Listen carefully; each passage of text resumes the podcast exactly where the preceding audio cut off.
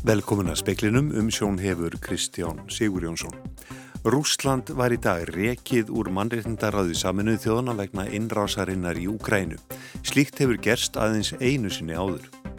Fjármálar á þeirra hefur óskað eftir því að ríkisendurskoðandi skoði og geri úttækt á ferlinu við sölu á hlut ríkisins í Íslandsbankar. Þrjú félög sem tengja smálum sem hér að saksóknar er ansakar eru meðal þeirra sem keiftu hlutabrið með afslætti í lokuðu útbóði á 22,5% hlut í Íslandsbanka. Vígdís Hessler, framkvæmda sjöri bændasamtakana og Sigurður Ingi Jóhansson, formaður framsóknarflokksins, ætla að hittast á fundi í fyrramáli.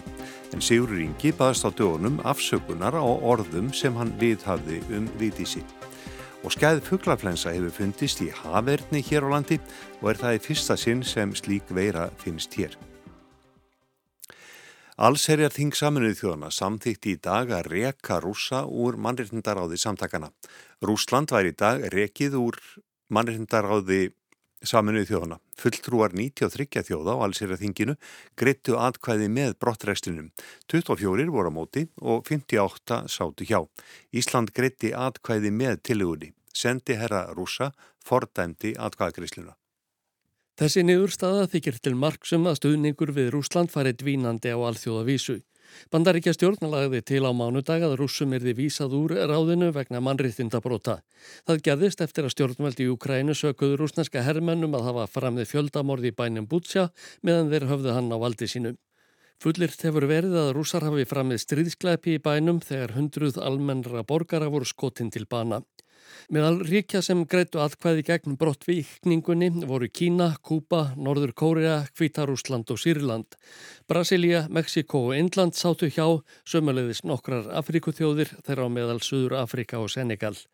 Gennadi Kúsmin, aðstóðar sendi herra Rúsland sjá saminuðu þjóðunum fór hörðum orðum um atkvæðagreðsluna sem hann sagði að tengdist ekkert mannréttindum eða ástandinu í Ukrænu. Dimitro Kulaipa, utanrikisráð þeirra Úkrænu fagnaði henni. Hann skrifaði á Twitter að stríðskleipamenn ættu ekki heima í ráðinu. Einu sinni áður hefur þjóð verið rekin úr mannrettindaráði saminuðu þjóðana. Það gerðist árið 2011 þegar Líbíu var vísað úr því. Ásker Tómasson sæði frá. Bjarni Benediktsson fjármálar á þeirra hefur skrifað ríkisendurskoðanda og farið fram á að hann skoði og geri úttekt á ferlinu við sölu á hlut ríkisins í Íslandsbanka. Það gerir á þeirra ljósi mikillar ádeilu á ferlið og kröfum enn frekara gagsægi. Hann segist ekki hafa vitað að fadir hans væri meðal kaupenda fyrir en hann sá lista yfir þá í ger. Nú, mér finnst það að koma fram uh, spurningar og ádeila á framkvæmt útbóðsins og það er alvarlegt út af fyrir sig. Við viljum hafa 100% gagsægi og, og það gagsægi sem hefur verið veitt meðal annars með samtali við þingið, það verðist ekki að hafa duga til þess að svara allum spurningum. Nú það er verið að varpa upp uh, alls konar ásökunum um að það hefði einhvers konar brestur verið á því að fyrirfram ákveðnum reglum hafi verið fyllt og þá er bara lang einfaldast og sjálfsagt að, að kalla eftir því að það veri skoðað og það hef ég nú þegar gert með brefi til Ríkisændiskóðanda. Saði Bjarni Benediktsson. Jóhanna Vítís Hjaltadóttir talaði við hann. Síðar í speklinum veru rætt við Lárus Blöndal, stjórnarforman bankasíslu Ríkisins. Þrjú félög sem tengja smálum sem hér að saksóknarir ansakar eru meðal þeirra sem kifti hlutabrjöf með afslætti í lokuðu útbóði á 22,5% hlut í Íslandsbanka. Félögin þrjú keiftu hlutabref fyrir á bílunu 45 til næstum 300 miljónir króna. Mest keifti eignarhalsfélagi Steinn sem Þorstedt Már Baldvinsson forstjóri samherri á 51% í. Hann er meðal þeirra sem fengur réttastuð sagbortnings vegna rannsóknar hérasaksóknar á framgöngu samherja í Namibíu. Liv og Helsa keifti fyrir 225 miljónir króna. Fyrirtæki er flægt í deilu millir núverandi eigenda og þrótabús fyrverandi eiganda. Dægin eftir að Karl Wernersson var sakveldur í mælstónmálinu skilaði hann inn breytum ársreikningi um að það væri ekki hann heldur sonur hann sem ætti félagi Toska sem meðal annars á liv og heilsu. Síðar var Karl lístur gjaldþróta. Skiptastjóri hefur hafið Ímis riftunar mál og tilkynnt eigundaskipti Toska og þar með lifi og hilsu til hér að saksóknara. Embættið gerði húsleit á nokkrum stöðum dægin eftir útbóðið í Íslandsbanka. Þriðja félagið er Nolt í eigu Kára Þós Guðjónssonar. Hann er eitt þeirra sem fengur réttastuð sagbortninga vegna rannsóknar hér að sagsóknara á sölu skelljungs eftir hrun. Ekki er komið niðurstað í það mál. Brynjólfur Þór Guðmundsson saði frá. Hér að sagsóknari er í aðgerðum Vestur á fjörðum vegna rannsóknar á málum tengdum innhendustofnun sveitafélaga. Tíu lörglumenn og sérfræðingar á vegum embættisins eru við skýslutökur og húsleit og sangkvæmt heimildum. Frettastofu hefur Bræi Axelsson, forstuðumadur útibú stopnunarinnar á Ísafyrði, verið handtikinn. Ólafur Þór Haugsson, hér að sagsóknari, staðfesti í samtali við frettastofu að embætti væri í aðgerðum en vildi örleiti ekki tjá sig. Vigdís Hessler, framkvæmdastjóri bændasamtakana og Sigurður Ingi Jóhansson, formaður framsóknarflokksins, ætla að hittast á fundi í fyrramálið. Þetta staðfestir Vigdís í samtali við fréttastofu. Með á fundinum verður einnig stjórn bændasamtakana. Vigdís vonar að fundurinn verði til þess að hún geti lagt máli til hlýðar en það sé þó alfarið í höndum Sigurðar Inga.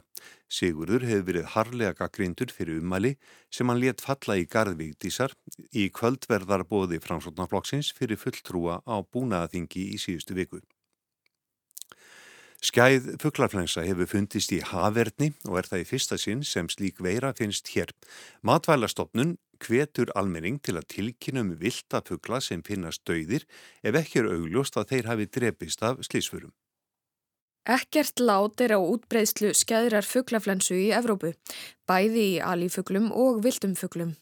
Í upphafi þessarar viku barst matvælastofnun tilkynning um að skæðar fugglaflensu veirur hefðu fundist í íslenskum haverni sem drafst í oktober 2021. Þetta er í fyrsta skipti sem slíkar veirur finnast hér á landi. Brigitt Brugger er sérgreina dýralæknir hjá matvælastofnun. Faraldurinn er að geisa bara aftur í Evrópa eins og hann hefur gert í fyrra vetur nema hann er bara jafnvel enn alvarlegri núna enn útbreytir í vildum fugglum. Brigitt segir fugglaflensuna mælast á vetrarstöðum okkar farfugla. Matvalastofnun hvetur almenning til að tilkynna um dauða vilda fuggla sem finnast dauðir ef ekki er augljóst að þeir hafi drepist af slísförum. Eru einhverjar líkur á því að þessi uh, veira geti borist í fólk? Það eru litla líkur á því með þeim veirum sem núna finnast í Evrópu og hafa fundist. En þetta er samt rétt að hafa alltaf góða smitvarnir þegar hérna, fólk er að uh, höndlega bara taka upp dauðan fuggl. Forðast skuli að snerta dauða fuggla. Brigitt segir að allir sem haldi alífuggla, líka þá sem halda þá í bakgörðum, þurfi að huga sérstaklega vel að smitvörnum á meðan hættan er sem mest. Hafdís Helga Helgadóttir saði frá og talaði við Brigitt Brugger. Fjórir hafi verið sakveldir fyrir hróttalega frelsesviftingu á manni á Akureyri í september 2017. Hér að stómi Norðurlands eistra dæmdi í málunni í gær. Í dómnum kemur fram að þrýr þeirra sem voru ákjærðir fyrir verknæðin séu meðal annars sakveldir fyrir hróttalega atlugu og hótanir gagvart manninum á meðan hann var í haldi í næri sex tíma. Fram kemur í dómnum að manninum hafi verið haldið í gluggalusir geimslu yfir í nóttina á meðan hann var ítrekka beittur grófu, ofbeldi og mistyrmingum á samt því að vera ógnað með tækjum. Þá var hann hótað að honum eriði hendi góðafoss. Sakborningum var gefin sög að hafa sínt velferð mannsins algjörst skeitingarleysi sem hefur átt við félagslegu og andleg vandamál að stríða og haft viðverandi áverka eftir árusina. Forsprakki frelsi sviftingarinnar Þóruður Már Sigur Jónsson var dæmdur í fjögura ára fangelsi. Aðrir sem áttu hlutamáli fengur skilórspundin dóm meðal annars barnsmöður mannsinn sem var frelsisvittur. Þeim sakveldu er gert að greiða brotaþóla 3,5 miljónir króna í miskabætur. Pétur Magnússon sagði frá. Ísland lagði Kvítarúsland í undan keppni heimsmeistaramóts Kvenna í fókbalta í dag með fimm mörgum gegn engu. Með sigrinum fer Ísland upp fyrir Holland og í efsta sæti sériðils með tól stík, einu stígi meira en Holland sem er í öðru sæti. Íslenska liðið lág í sók frá fyrstu mínútu og Dagni Brynjarsdóttir, Gunnhildur Issa Jónsdóttir og Berglind Björg Þorvaldsdóttir skóruði fyrirháleik og í þeim síðari bætti Karolína Lea Viljánsdóttir við tveimur mörgum.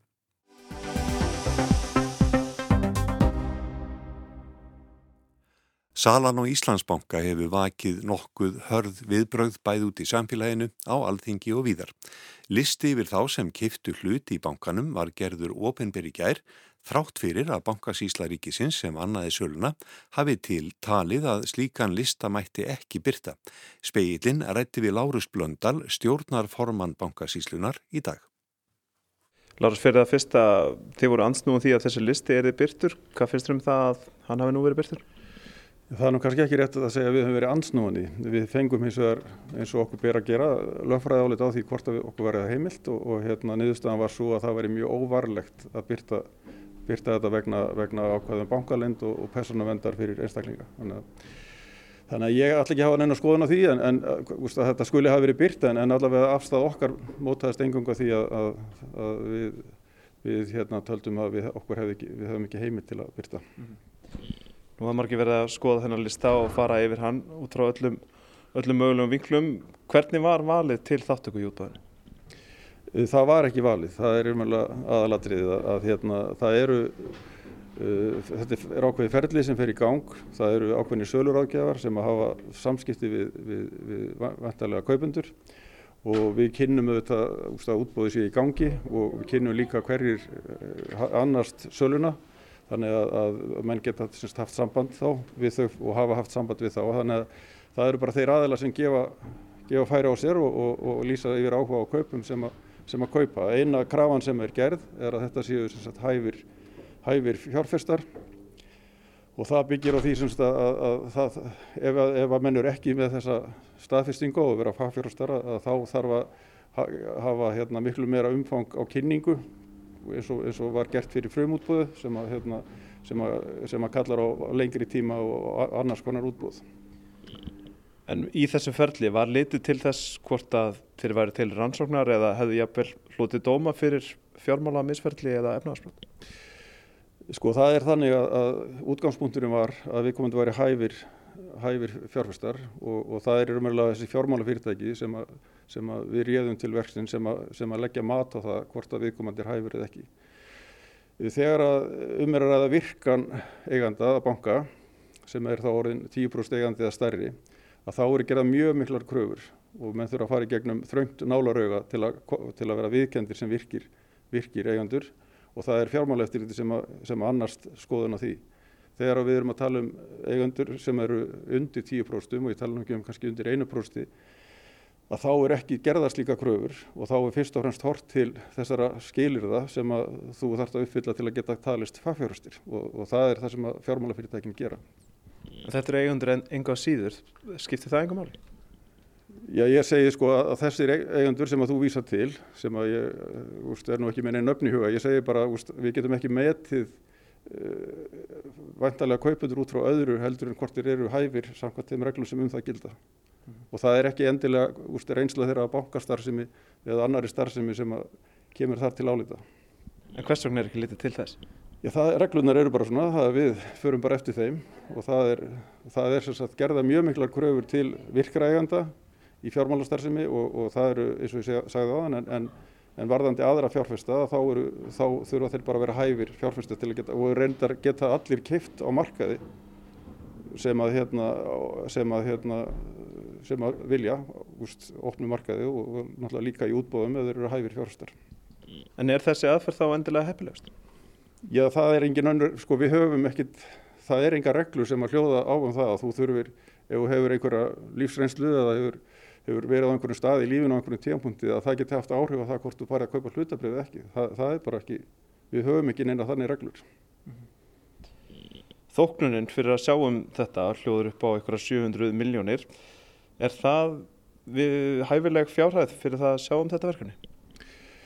Já, þetta er, sagt, þetta er innan við 50% af því sem að kostnæri var við útbóðið í fyrra, frum útbóðið og, og þetta er nú svipuð stærð að útbóðið þannig að og, og fjárhæðina ráðast af sko, stærðinni af, af, af því sem selt er þannig að við segjum að þetta er bara í samræmi áallun og þetta er tölvört innan við 50% af, eins og ég segi, af kostnærinum í fyrra Þannig að já, þetta er bara í samræmi við það sem gerist á þessu markaði.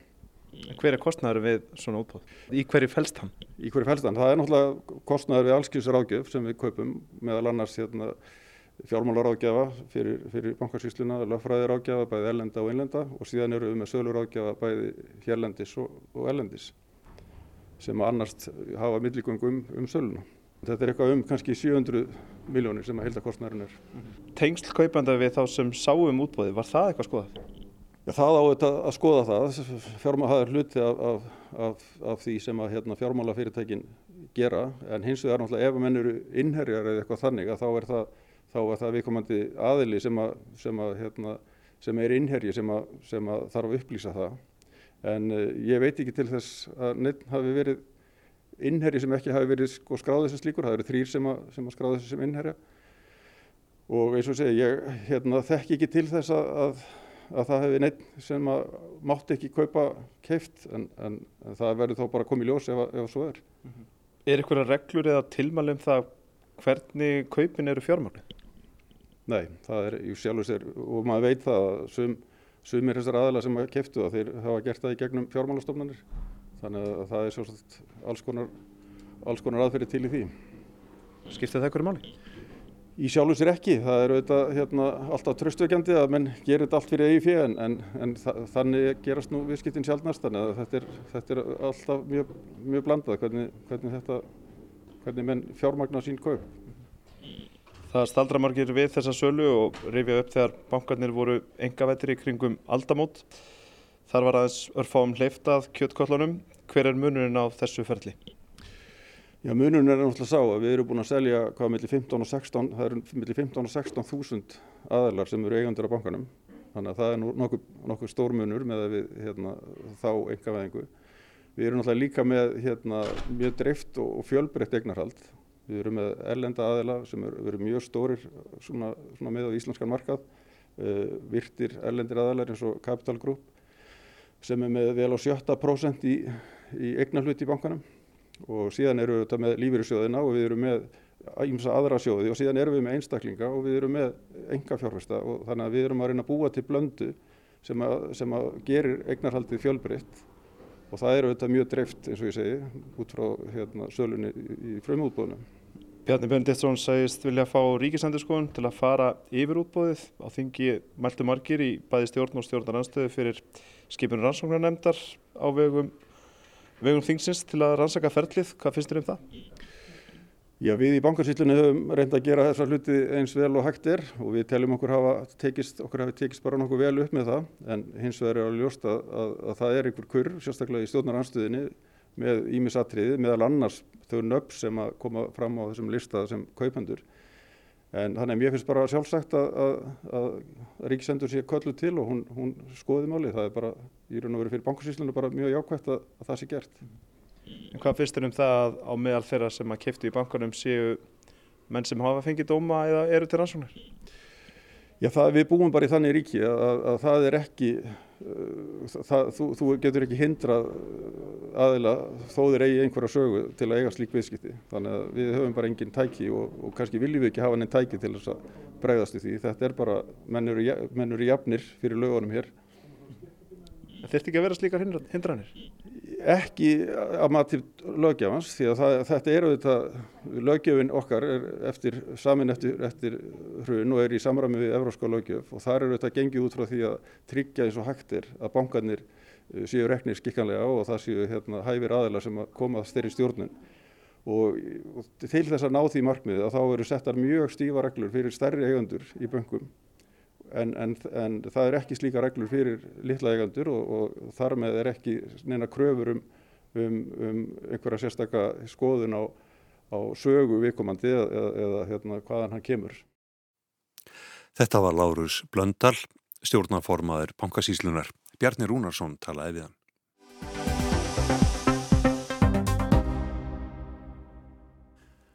En einu sinni standa öll spjóta á heilbreyðisiðvöldum og yfirstjórna landsspítalans að leysa vanda bráðamóttöku spítalans.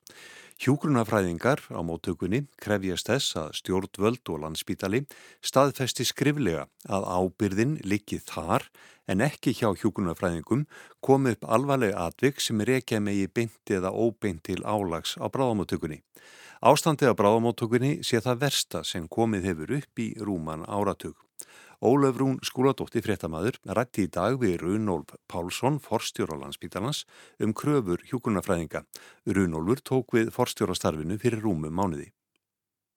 Það er velskiljanlegt. Þetta er ríkir ófremdar ástand vegna óhóflera verkefna og, og manneklu og þetta er náttúrulega sko krítisku staður bráðamóttakan þar sem við erum að taka við já okkar veikasta fólki á samt slösuðum og viljum náttúrulega tryggja öryggi þeirra en þegar við búum við það að flest eh, stæði fyrir sjúklinga á bráðamóttakunu eru upptekin vegna einstaklingar sem hafa þegar verið laður inn en fá ekki legur í mig þá er náttúrulega ljóst að það er erfið að taka við nýjum og svo er líka skortur á starfsfólki. Þá verður staðan mjög erfið og þess vegna eru áhyggjur starfsfólksins skiljanlega það er gengið svo langt að, að krefjast þess að fá bara skriflega að ábyrðin sé stjórnar spítalans og stjórnvalda ef eitthvað fer úrskeiðis vegna álagsins af bráðmáttökunni.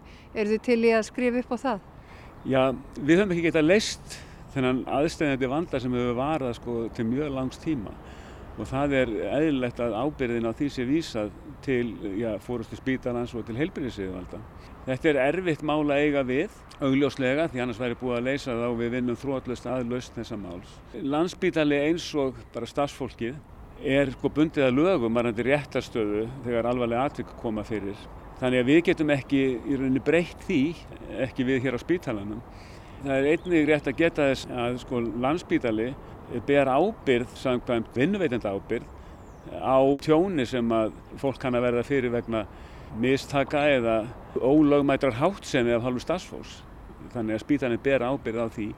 En varðandi réttastöðu stafsfólksins að þá deili ég áhyggjum af henni í ljósiðis hvernig mál hafa þróast þegar að atvika eiga sér stað og bind vonir við stafshóp sem að helbriðsáður hefur skipað til þess að endurskoða þetta mál og sérstaklega í ljósi þá skýslu sem að kom út árið 2015 og það verður að segjast það er ekki gott að ekki skulle hafa verið brugðist við þeirri skýslu eh, fyrir nú, sjö árun síðar. Því að þróunin í þessum efnum hér á landi hún hefur verið óheila vænlega í ljósi þess að lang flest mistök sem verði heilbyrjastjónustu, mistök eða óhöpp verða vegna atburðarásar, það verður röskun á upplýsingaflæði eða það getur orðið yfirsjón. Það er verið að fást við gríðalegt magn gagna sem að liggja fyrir um sjúklinga og tímin er oft naumur Þannig að yfirsjón getur átt sér stað og það er ekkert að leita einum sökudólgi vegna þess þegar að fólki er að fást við margvíslega verkefni á sama tíma. Þannig að þetta er kervis vandamáli í langflestum tilvíkum. Það heyrir til algjara undantekninga þegar að einn einstaklingu gerir segur um mjög alvarlega vannrækslu eða annað þaðan að verra. Þannig að þess vegna verður að nálgast þessi mála annan veg og ég bind bara mjög mikla voni við að þessi nýskipaði stafshópur að hann komi slíku til leiðar. En þú talar um ábyrð vinnuveitenda, en er það ekki ábyrð vinnuveitenda líka að starfsmenn bú ekki við því líkt ofur álag að þeir get ekki synd sinni lögbundnu skildu gagvar sjúklingum? Sannarlega, ég lít þannig á það og þess vegna er þetta forgangsverkefni hér að reyna að breyðast við því og skapa betri aðstæður en það gengur erfilega vegna þess að það eru vandamál út um allan spítala vegna manneklu, það er erfitt að færa fólk til vegna þess að það þá líka ákveðna færni til að gegna ákveðnu störfum. Við hér á Íslandi við erum komin í ákveðin vandræði varðandi mannabla í helbriðstjónustunni og sérstaklega þurfum við að ræða mjög kræmjandi störf sem að tarfnast sérþekkingar. Þetta er bara áskorun sem við stöndum fram með fyrir og verðum að fara að higgja að Landsbítali eitt sem stofnun ræður ekki við það. Þetta er miklu stærra og viða meira viðfánsefni. Það er manneklanlega líka annar staðar í heilbríðistjónustum sem gerir það verkum að við getum ekki komið verkefnum sem eiga frekar heima á öðru þjónustustíði, komið þeim ekki frá okkur. En aðeins að bráðamáttökunni og því að fólk liggur á göngum jáfnveil dögum saman kemst ekki upp á deildir og einhvað síður eru auð rúmsumstæður upp á deildum var ekki næra þetta fólk fengi að liggja þar heldur en á ganginum þar sem verið að taka inn bráð veika og slasaða. Algjörlega. Og hvers vegna breytur því þá ekki? Vegna þess að þessi rúm er ekki mannuð. Við höfum ekki starfsfólk til að sinna þeim einstaklingum, því miður. En er þeim betur synd á ganginum þar sem að fólki hefur í raun valla tíma til að sinna þeim? Já, þá eru sett fleiri verkefni á þá sem eru við störf þar sem er rauninni er vandin sem að vera að vekja aðtikla á. Að þeir einstaklingar sem eru við störfa bráðamóttökunni þeir eru með allt og mikið verkefni á sinni konnu en ef við myndum færa þessa einstaklinga yfir í annað húsnæði þá þurfti það enga síður að manna það sérstaklega. Þannig að við erum í svona ákveðinni sjálfheldu eins og er. Þú ert nýr forstjóri landsbytalans Hvað ætlar þú að gera til að þetta breytist þannig að við séum ekki hér eftir fimm ára að taka sama viðtalið? Ég ætla nú að reyna að koma þetta í leiðar að, að miskusti þeir einstaklingar sem að njóta þjónustu landsbítala en geta að fengi þjónustu á öðru þjónustustígi að þeir farið þanga. Það myndi skapa miklu betri aðstæði fyrir okkur til að sinna þeim verkefnum sem eiga heiminan spítalans og við verðum að beita okkur bæði með samvinnu við þá aðra stopnænir hérna á höfuborgarsvæðinu við helsugjæsluna og þá sem sinna öldrunarþjónustu Sameigilega verðum við að koma því til leiðar að, að við sitjum ekki uppi með einstaklingar sem að eiga heima á öðru þjónustustíði því að sko, sem stendur að þá erum fjórðungur af sjúkrarúmum spítalans nýttur fyrir öldrunarþjónustu og ég myndi segja að umtalsverður hluti af þeim sem njóta þeirra þjónustu geti verið annar staðar en við verðum þá að geta nýtt okkar stafsfólk þá til annar að verka og það er það sem við viljum gera. Heilbyrðisráð þeirra hefur líst því yfir nýlega að það þurfi að bæta úr Hvað segir hann við þig? Hvað ætlar hann að gera? Já, hann er bara sömu skoðunar, ég meina ég ætla að sjáu þetta allir. Það er búið að vera fjalla um þetta viðfáðsefni í mörg ár og við erum enn í sömu hjólförunum. Þannig að það hefur auglust ekki verið tekið á málinu á varanlegan hátt. Það var komið skindilösnir af og til. Byðdeildin á Vívilstöðum var skindilös sem var stofnað til fyrir segja, mörgum árum út af sama vanda. En við höfum líka séð það að þó það skapist hjúgrunarými fyrir tugi einstaklinga sem að þá fara út af spítalanum að það fer í sama farið fljótlega eftir það. Þannig að þetta er annars vegar er þetta náttúrulega hjúgrunarými og hins vegar er þetta endurhæfingarúræði. Og svo það líka sko, stór efla heimaþjónustu hérna á höfuborgarsvæðinu og sveitafélagin verða að koma að því.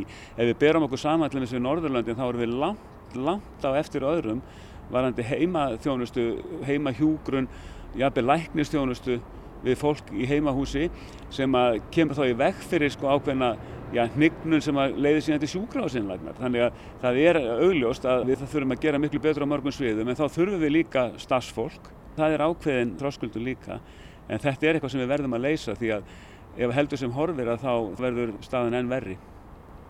Ef þú ættir að nefna þrjá þætti bara í stuttumáli sem þarf að gera til að það verði einhver bót á, hverjir væru þeir? Sko það eru náttúrulega þættir eins og endurhæfingar úrræðu utan spítalans. Fleiri hjúgrunar í mig en, en upp að vissu marki þó og sterkari heimaþjónusta. Þetta eru svona þrjú líkilatriði. Svo vil ég bæta við líka að það þarf að styrkja bráða þjónustu á höfuborgarsvæðinu.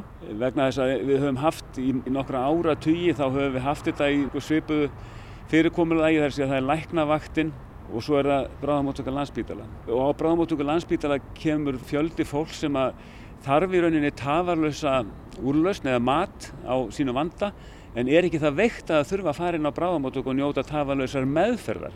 Við þurfum að skapa fleiri úrræði til að sinna þessu fólki þá utan bráðamóttöku án innlagnar. Það er eftir að fylgja fólki eftir daglega í 2-3 daga að heiman í sumum tilvikum og koma þannig í veg fyrir súgráðsynlögn en þá þarf slíkt úrræði að vera fyrir hendi. Við höfum sett á laggirnar bráða göngudeild kallum það bráða dagdeild liflækninga sem er starfrætt á svipaðanhátt og COVID-göngudeildin ymmið til að sinna þessu. En þetta eru við að gera vegna þess að við erum að reyna að bregðast við þessum erfiða vanda sem að byrjast á bráðamóttökunni. Þetta er ein leið af okkar halvu til þess en það þarf meira af þessu tægi á höfuborgarsvæðinu. Sjálfstæð starfandi sérfæðalæknar getur komið að slíkri þjónustu. Það sem að fólk þarfir hennu, það getur ekki beðið eftir úrlaust en það er ekki það veikt að það þurfi endilega að koma á bráðamóttöku spítalans. Þannig að fjölbreytari úrræði að þessu tægi gætu hjálpa líka og gert það verkum að fólk fær fyrr lausin að mála áður heldur en veikindi kannski hafa þróast á þann veg að, að það þarf innlögn á spítala. Þetta var Runólu Pálsson, forstjóri í landsbítalans, Ólaf Rún skúladóttir. Frettamæður talaði við hann. Það var helst í speklinum í dag að Rúsland var í dag rekið úr mannréttindaráði saminuðu þjóna vegna innrásarinnar í Úkrænu. Slíkt hefur gerst aðeins einu sinni áður. Fjármálar á þeirra hefur óskað eftir því að ríkisendurskoðandi skoði og geri úttækt á ferlinu við sölu á hluti ríkisins í Íslandsbanka. Þrjú félög sem tengja smálum sem hér að saksóknæra rannsakar eru meðal þeirra sem keiftu hlutabref með afslætti í lokuðu útbóði á 22,5% slut í bankanum. Skæð fugglarflensa hefur fundist í haverni hér á landi og er það í fyrsta sinn sem slík veira finnst hér. Og Ísland lagði Kvítarúsland í undankettni hinsmistaramót skvenna í fókbaltaði dag með fimmörgum gegn engu. Þá er ekki fleira í spekli kvöldsins, tæknimaður í útsendingu var Mark Eldredd, verið í sæl.